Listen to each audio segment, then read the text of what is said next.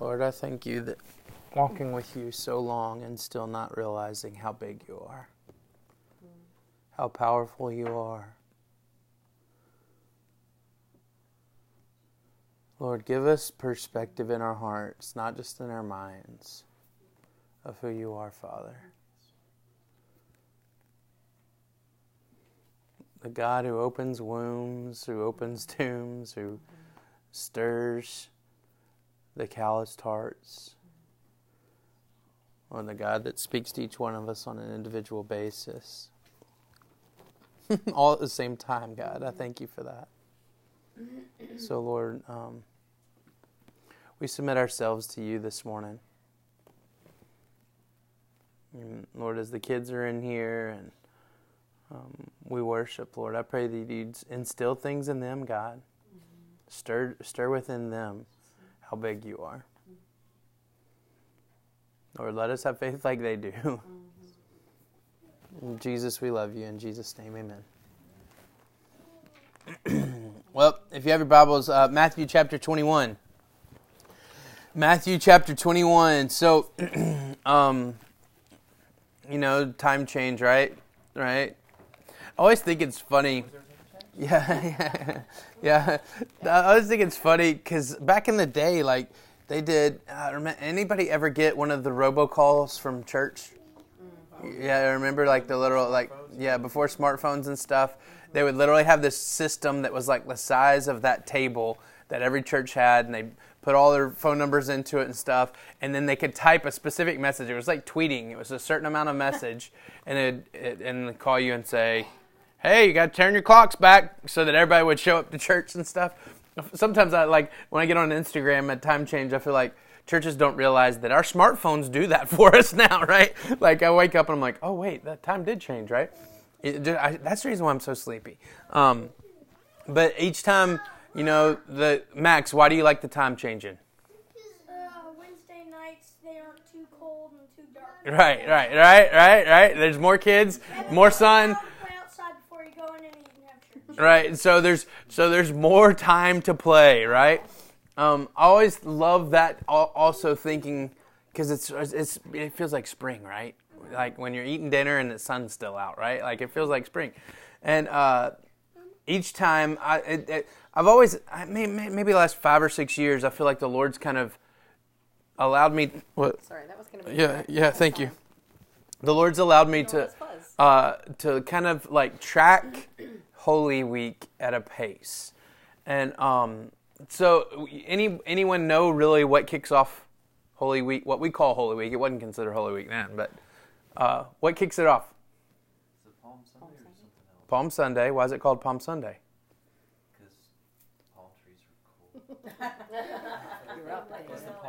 yeah, yeah.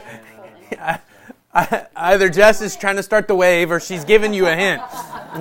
Yeah. So, so uh, the triumphant entry, right? The triumphant entry. It wasn't considered Palm Sunday back then. Um, the triumphant entry, and that's where uh, Matthew 21 starts. So think about it. Um, I, I don't really have like a Every, have you noticed that everybody's polarizing? Like, if I were to say a famous person, there'd be some people in the room go, "Well, yeah, but he," right? Like, like Jesus was that, right? Jesus was very polarizing, but still, he came in at like a parade, very similar to what we would see when someone wins like the NBA championship or the football. Like, they throw a parade, right? It, they're they're literally throwing the palm fronds down in front of Jesus, saying, Hosanna, Hosanna, blessed is he who comes in the name of the Lord, which is connected to the festival of booths. It's something that specifically happens. And, and so I want you to see this.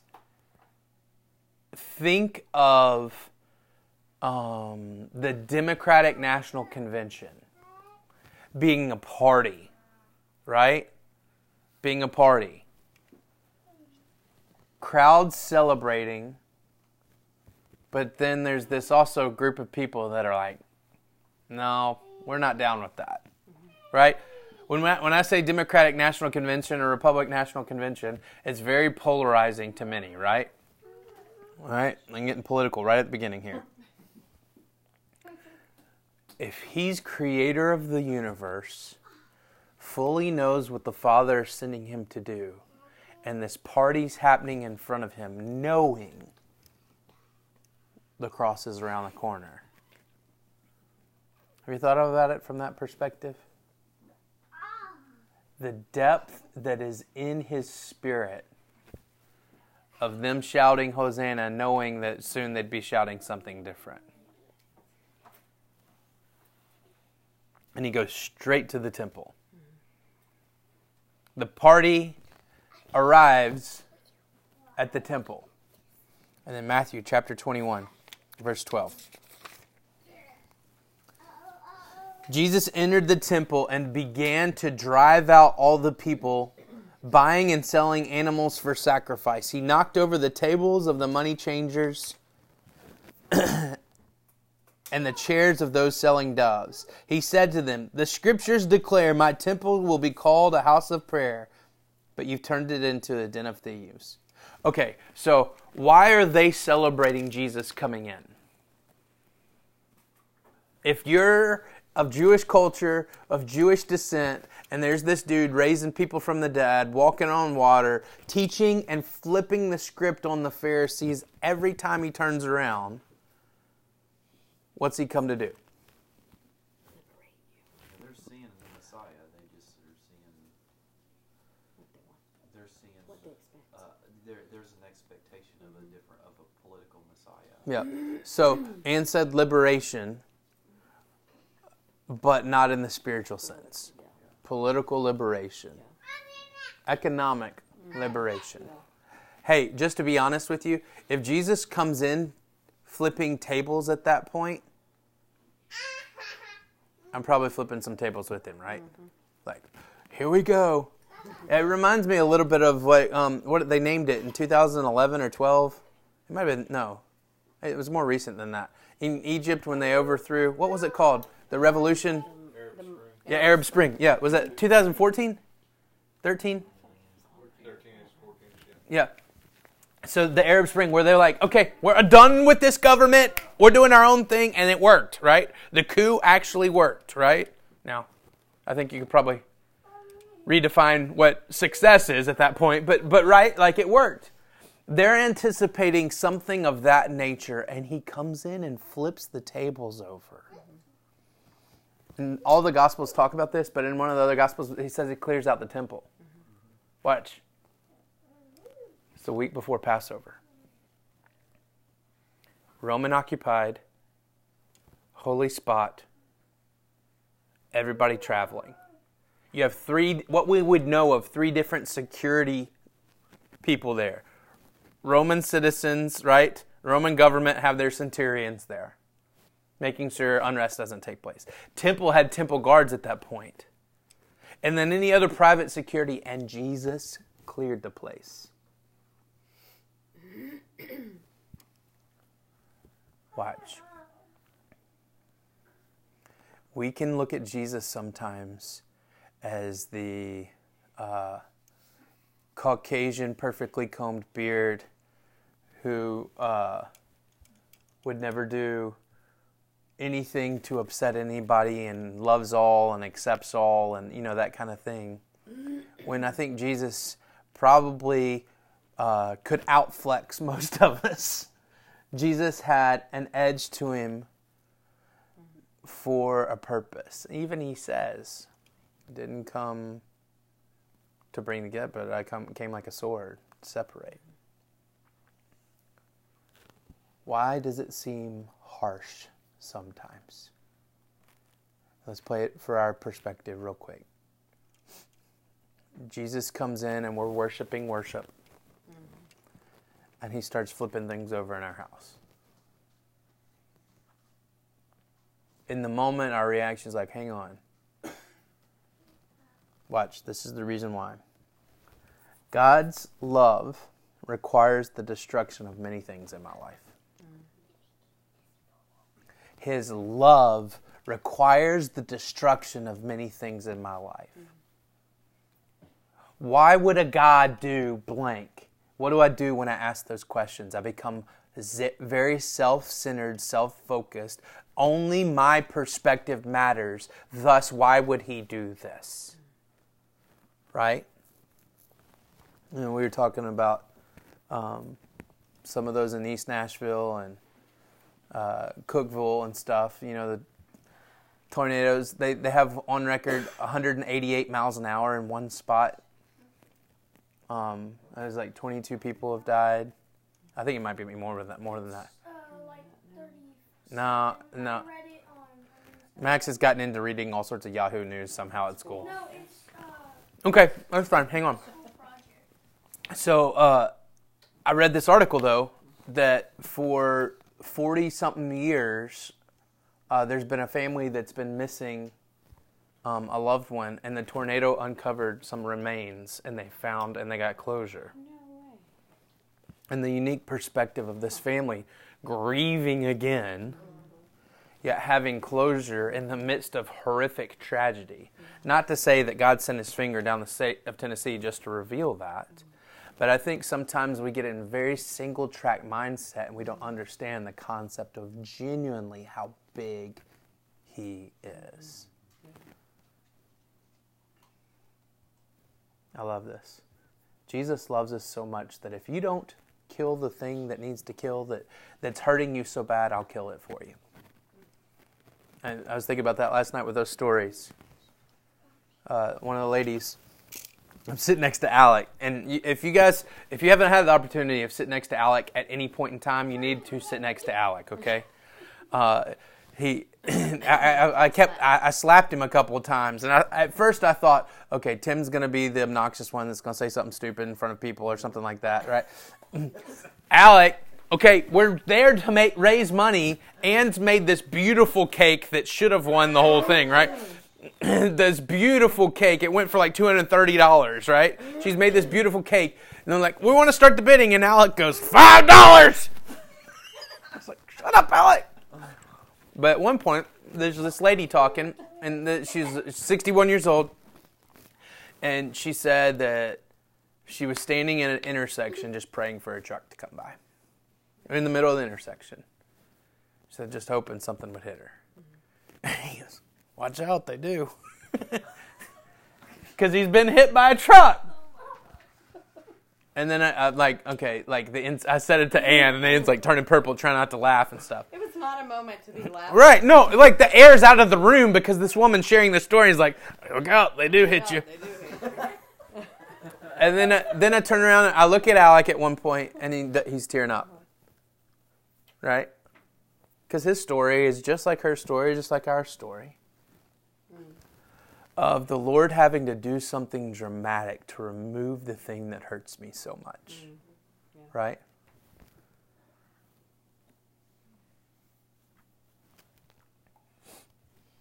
Sometimes, if I miss the point, that means that God's going to say, and by whatever means necessary, I'm going to drive home my point. We see the destruction and sometimes can't find the love. When it's genuinely out of love that the Lord's destroying things that so drastically hurt us. It's so much more than this hurts me or this that it hurts you. It's like we're drinking a poison and we don't realize it, and God's saying, I've got water for you, stop drinking that. And ultimately, what Jesus is doing is slapping the thing out of their hand. We could talk for hours. The thing that God said, the thing that God established, this sacrifice, this paying for the penalty of sin idea is what he's flipping the tables over, but he's not doing it in an irreverent manner of the Lord. He's saying, You have made this something that it is not. Watch this. If I profit from anything, or if I profit anything from the Lord, yet I'm not fully surrendered to Him, I'm stealing His blessings. If I profit, yet not being surrendered, y'all, I just described half of my life. I benefit from the grace of God every day, but I live a life unsurrendered so many times. I'm ultimately stealing from the Lord. I was talking this past week to Tim. They're talking about Jacob's Well, and at one point in time, the leadership just got a little bit sideways with Jacob's Well. It was this big ministry that was ministering to a lot of addicted and homeless people. And the ministry got so sideways that they knew these homeless addicts were helping with the offering. And by pulling the offering in before they would take it for the church, reaching in and taking stuff out, they knew it and they wouldn't deal with it. And Tim's like, I've had enough. And I said, Tim, that money burns holes in your leg, not your pocket, right? And I started processing. Okay, Lord, I probably steal from you a lot more than I realize. I've got this physical idea of money, but man, there's a lot of other places that I steal from the Lord and I don't realize it. When I don't live life surrendered, yet He still bestows blessing upon me. Holy smokes, what am I doing? A casual engagement with the church family. Mm-hmm. Instead of fully leaning in and getting messy with brothers and sisters. Church being something that do something you do rather than something we are, right? It's scary. Watch this. Verse 14. He's just flipped over the tables. He's kicked everybody out. My temple will be called a house of prayer. If you turn it in, you've turned it into a den of thieves. Watch this. Verse 14. The blind and the lame came to him in the temple, and he healed them. The leading priests and teachers of the religious law saw these wonderful miracles, wonderful miracles and even heard children in the temple shouting, Praise God for the Son of David. But the leaders were indignant. They asked Jesus, Do you hear what these children are saying? Yes, Jesus replied. Have you ever read the scriptures? What's up, buddy? You want to help me? Here, sit with me. Come here. Wow, he's good. So watch. He says, Have you haven't you ever read the scriptures? For you say you ought to have taught children and infants to give them praise. Perfect timing, dude. Watch this. When I crush false worship, I open the door for healing. When I crush false worship, I open the door for healing. Think about it. They're worshiping their pockets, they're filling their pockets with money because of the worship that people have to do in that moment. Jesus clears the temple because of that, because they're thieves. And what happens? The blind and the lame come in the temple. And then the children come in the temple. I need the tables of my desires and opinions to be flipped and scattered across the floor so that healing can take place. Hey, what? Um, we, you guys know we have chickens, and every now and then I'll find myself trying to. If you've ever tried to carry seven eggs at once, it, it's a it's a and open the door at the same time. It's fun. um, so I've laughed at myself. It's always when I'm carrying one or two that I drop one. I don't know why. I could carry seven, but I can't. So the other day, um, I'm literally sometimes we have to clean them off a little bit, and so I brought it in. I'm cleaning it off, and I, as I'm cleaning it off, I drop it in the sink and it breaks. And of course, I drop it on the non-disposal side, right? So then all of a sudden, like, uh, you got this weird yolk sitting in the thing and the water won't go through it. Like, I've created the perfect suction where it's stopping up the sink. And I've thought the idea of the egg,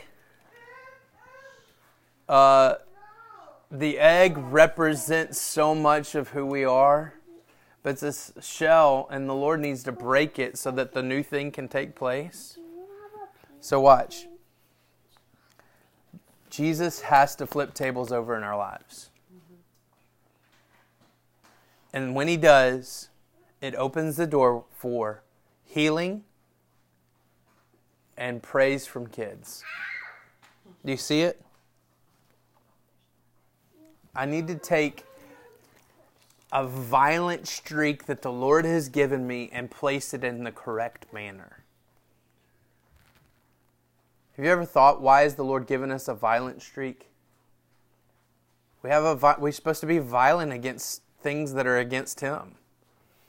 We've, I've, I'm, I watch weird stuff. We're, I've watched this thing. It's called Beliefs, Extreme Beliefs and Cults. It's on Amazon Prime.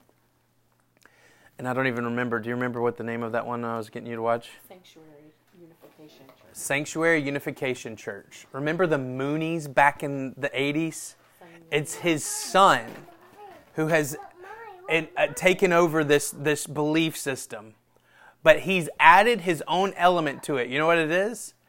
In Revelation, and Jesus comes back, he's carrying an iron, iron rod. And then it speaks about fire after that. He has assumed that's an AR 15.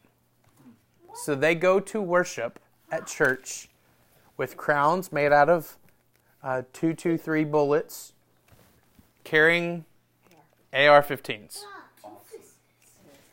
It's so crazy. And he's screaming at the top of his lungs. And what why are we hesitant? Why are we because that is violence in a misdirected manner, right? Right? Uh, uh, that's violence that we would not attest to. But if we direct violence towards things against the heartbeat of the Father, and I don't mean by an AR 15, I mean internally.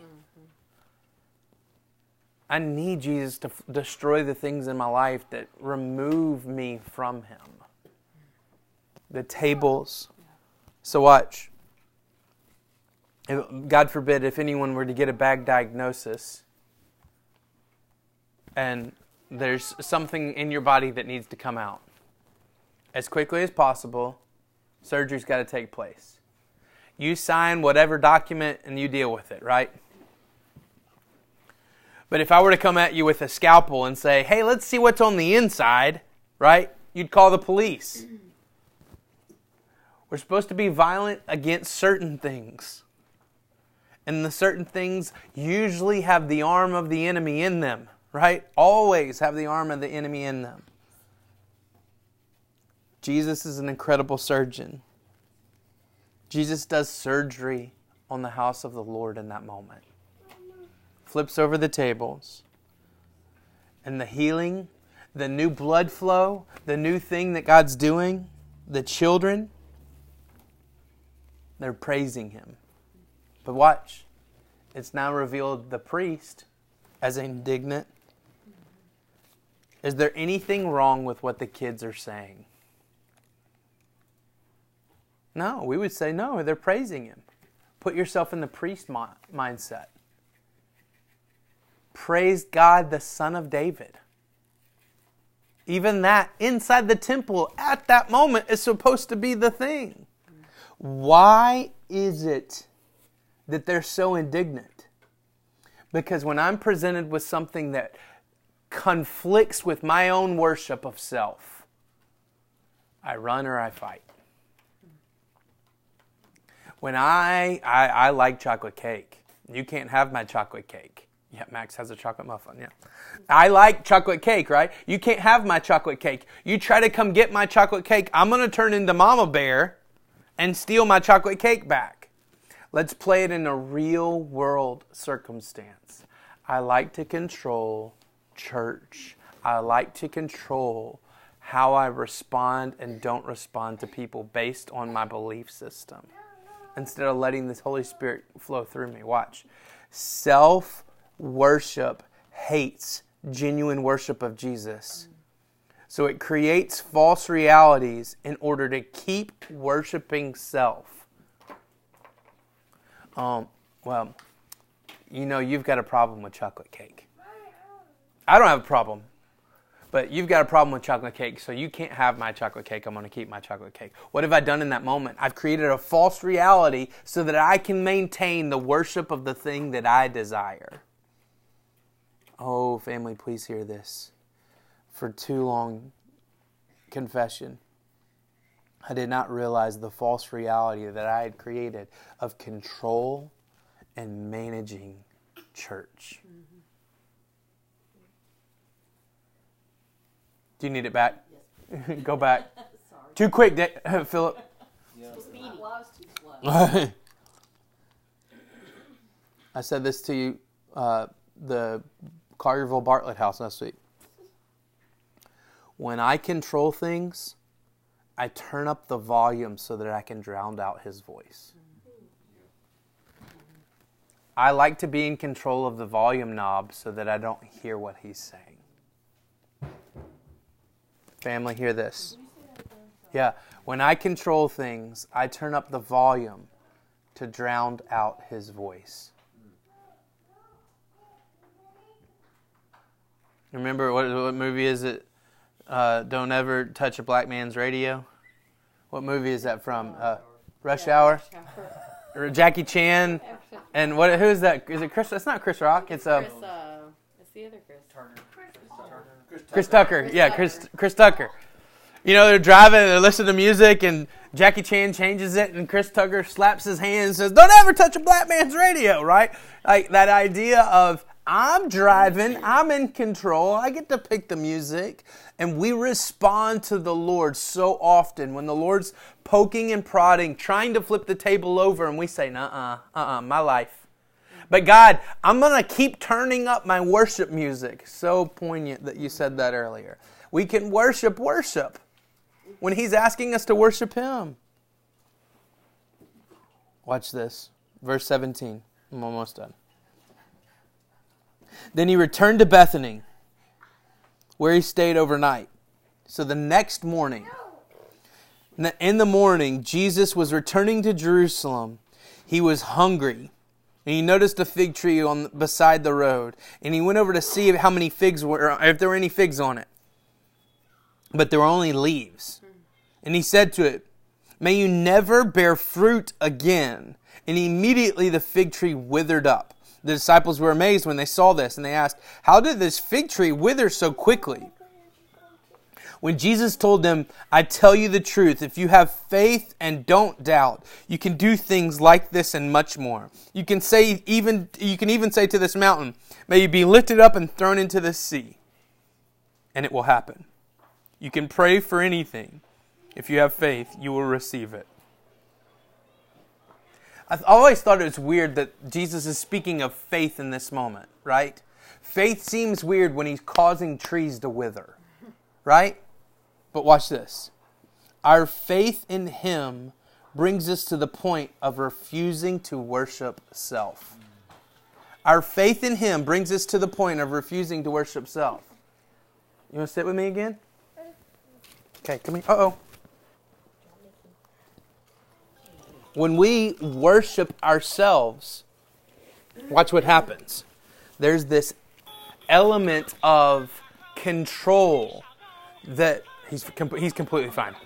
Yeah, uh, people on the podcast are wondering what's going on right now. yeah. Um, Children praising God. yeah, children praising God with Mickey Mouse. Um, hey, watch this. Think about this. From healing, massive, massive, massive healing, to destruction the next day. Like all the blind people, all the lame people that came into the temple, he's healed. And then he's withered. Hey, listen to me. I can make a tree wither. I, I can. I can't make it wither like that. That's what they're amazed by. Not that it's dead, but how quickly he killed it.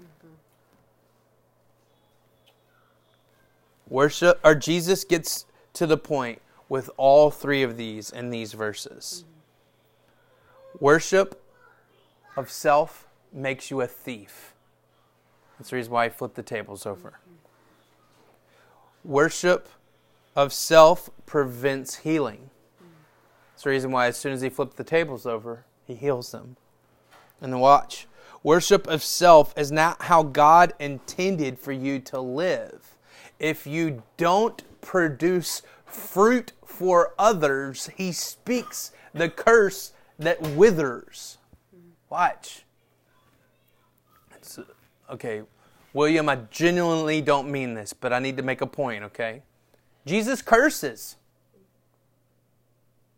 Not like we think, okay? Not how we process. Why does Jesus curse the tree? Talk to me.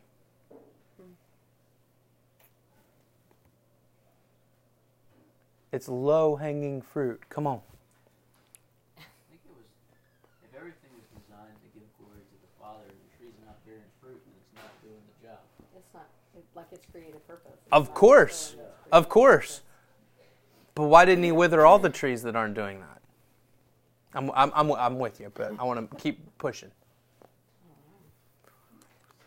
In that moment, he could have been frustrated enough to say, if there's a tree on the planet right now that doesn't have fruit, wither it, right? He could have gotten to that point. What's up, dude? I'm glad you're here. Hey man. He could have gotten to that point, right? If there's a tree on the planet that doesn't have fruit, let it be withered. But just like he does, he's constantly teaching, he's constantly stirring, he's constantly doing. What is Jesus teaching the 12 disciples in this moment? I just like the tree, there comes a time where um, you get to see what you produce. Um, It was time to eat the fruit. yeah, Jesus was hungry. yeah. It was the time. Yeah. There was there was no fruit there, and it was time to eat. The fruit. Hmm. And so that's. I mean, there's something there. You're hitting on on the nail. Jesus has come in at an appropriate time into the city. Jesus knows what's coming, and the time is short. Jesus has been ministering, and it, uh, if you really want, like David's saying, it's time for the fig to produce, and it's not. Into the temple of what the temple's producing. Watch this. Our faith bears a fruit for us and others to have. Our self worship is a tree without fruit. Jesus is showing the picture of, hey, d- disciples, just as much as you weren't profiting off of these money changers and stuff like that, you profit off of self worship. But ultimately, it's death. It's nothing but leaves. It can't. It can't satisfy. If you're really hungry, you might eat some leaves, but it doesn't fill. It needs to be fruit. A tree that doesn't have fruit from a distance looks the same. Anybody seen a fig tree? They overproduce, don't they? What happens when they overproduce? My farmer friend. Yep. They don't survive because they can overproduce. From a distance, you can tell if a fig tree has fruit on it or not. Jesus is specifically using this one tree. It's not even producing, much less overproducing. There's a fine line with. Go, go, go ahead. There's a wrinkle here that, and I'm not trying to. No, no, no, no. You, please. It's not the season. Oh, it's not the season.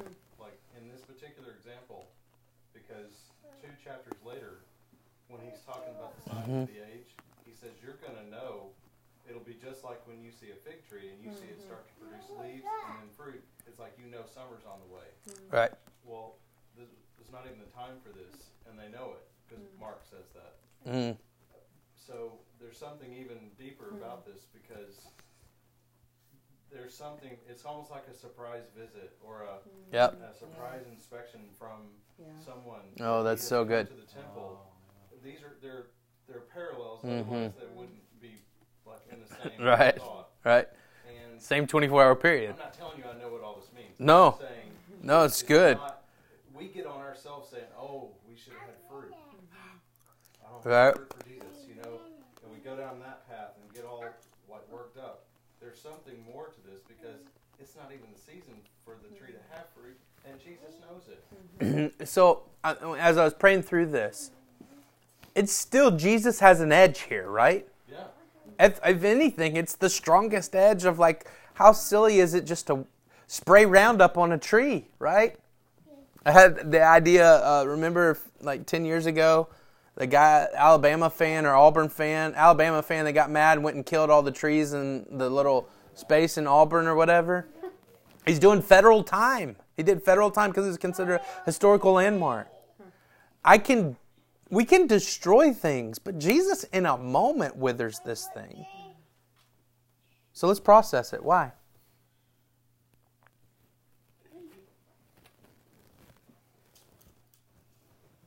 Here's a verse in Proverbs that made me think of with this uh, fig tree is um, or not Proverbs, but Jeremiah, um, where it um, talks about um, a, tree, a tree yielding fruit out of season, and how that's like the sign of like, you know, like the Lord working there. where, Like a tree's not supposed to be bearing fruit, but it is. Mm-hmm. So maybe this is what God is kind of showing, because our idea is like we're supposed to produce fruit here, and you know, there's a certain way things go, but Jesus is like, no, this is this fig tree is just made to produce fruit. You know, and it, I guess you know it's different with you know the plant, but he, I think he's trying to refer to us. Like it may not be the you know the season or the time, but it is the time, like to produce fruit.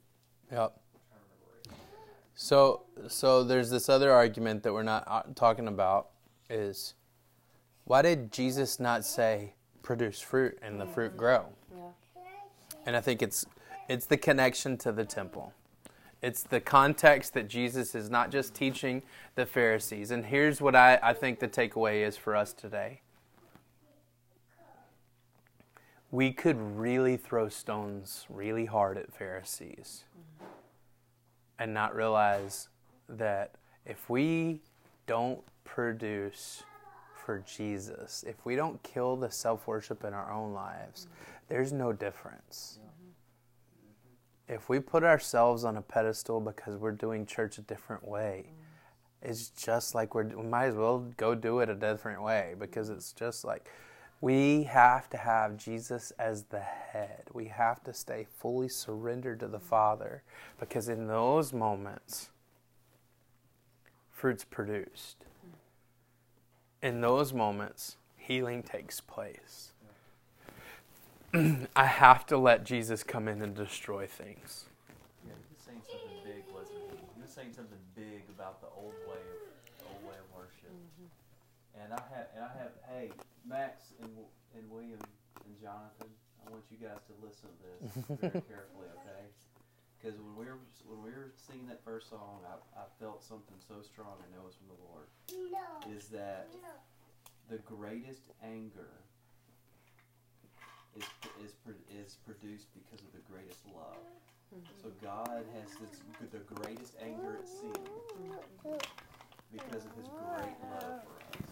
And it's, and because of that so angry. So when our fathers, when our dads get angry with us, when we see that, when we see that anger, that's because of love. And I got to remember that when, when you know, God's fierce anger at the things that destroy us, the, the, whether it's false worship or worship of self or, or whatever it is in my life, it has to do with this great, great love, like a passionate love.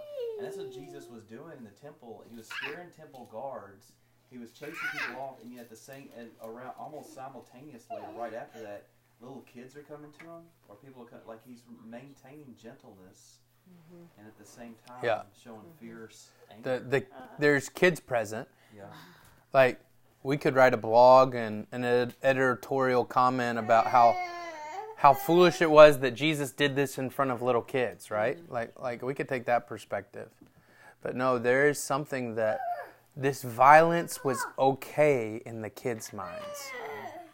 Because a, a child sees things as genuine as they can be. They saw mom and dad maybe even pocketing the money, and Jesus saying, "Hey, this isn't okay." Mm. And then saw the healing take place. I, I think that perhaps the healing side of that is the flip side to this. This isn't the first time that the people had been there changing money and supplying goods. Right. That was, a, that was an issue of convenience Yep, for people who traveling. either either travel for those that didn't didn't. I mean, not everybody can raise doves, Mm-hmm. so they would go and buy. Or maybe you you brought a, a twenty and you really needed a five, I mean, or your money was from somewhere else and it needed to be in this money.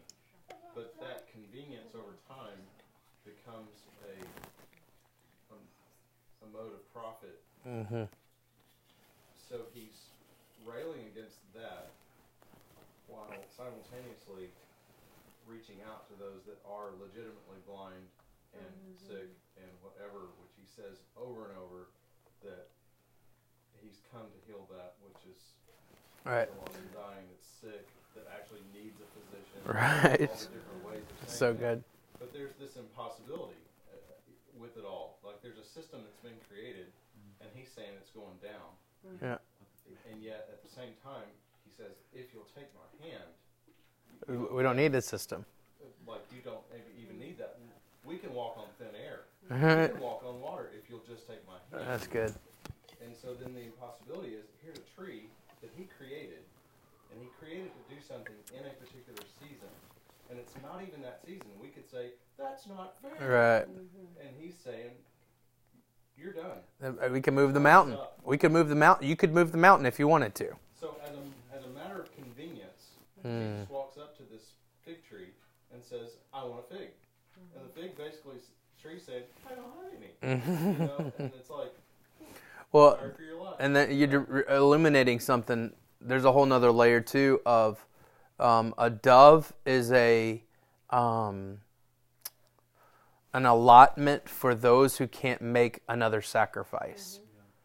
A dove, the only sacrifice, like the dove is a sacrifice for those who can't afford the cattle. So if they can't afford the cattle, they're operating in a layer of convenience. No, that feels a little weird to me, right? Like, you know, that feels a little weird. Um, I think, I mean, that word convenience. The Lord's been speaking efficiency and convenience are the opposite of what the Lord desires. Um, when I try to make things efficient, God usually destroys something. When I th- try to make things convenient, it's like, all right, well, instead of 12 days, let's go 40 years in the wilderness, right? You know? That's good.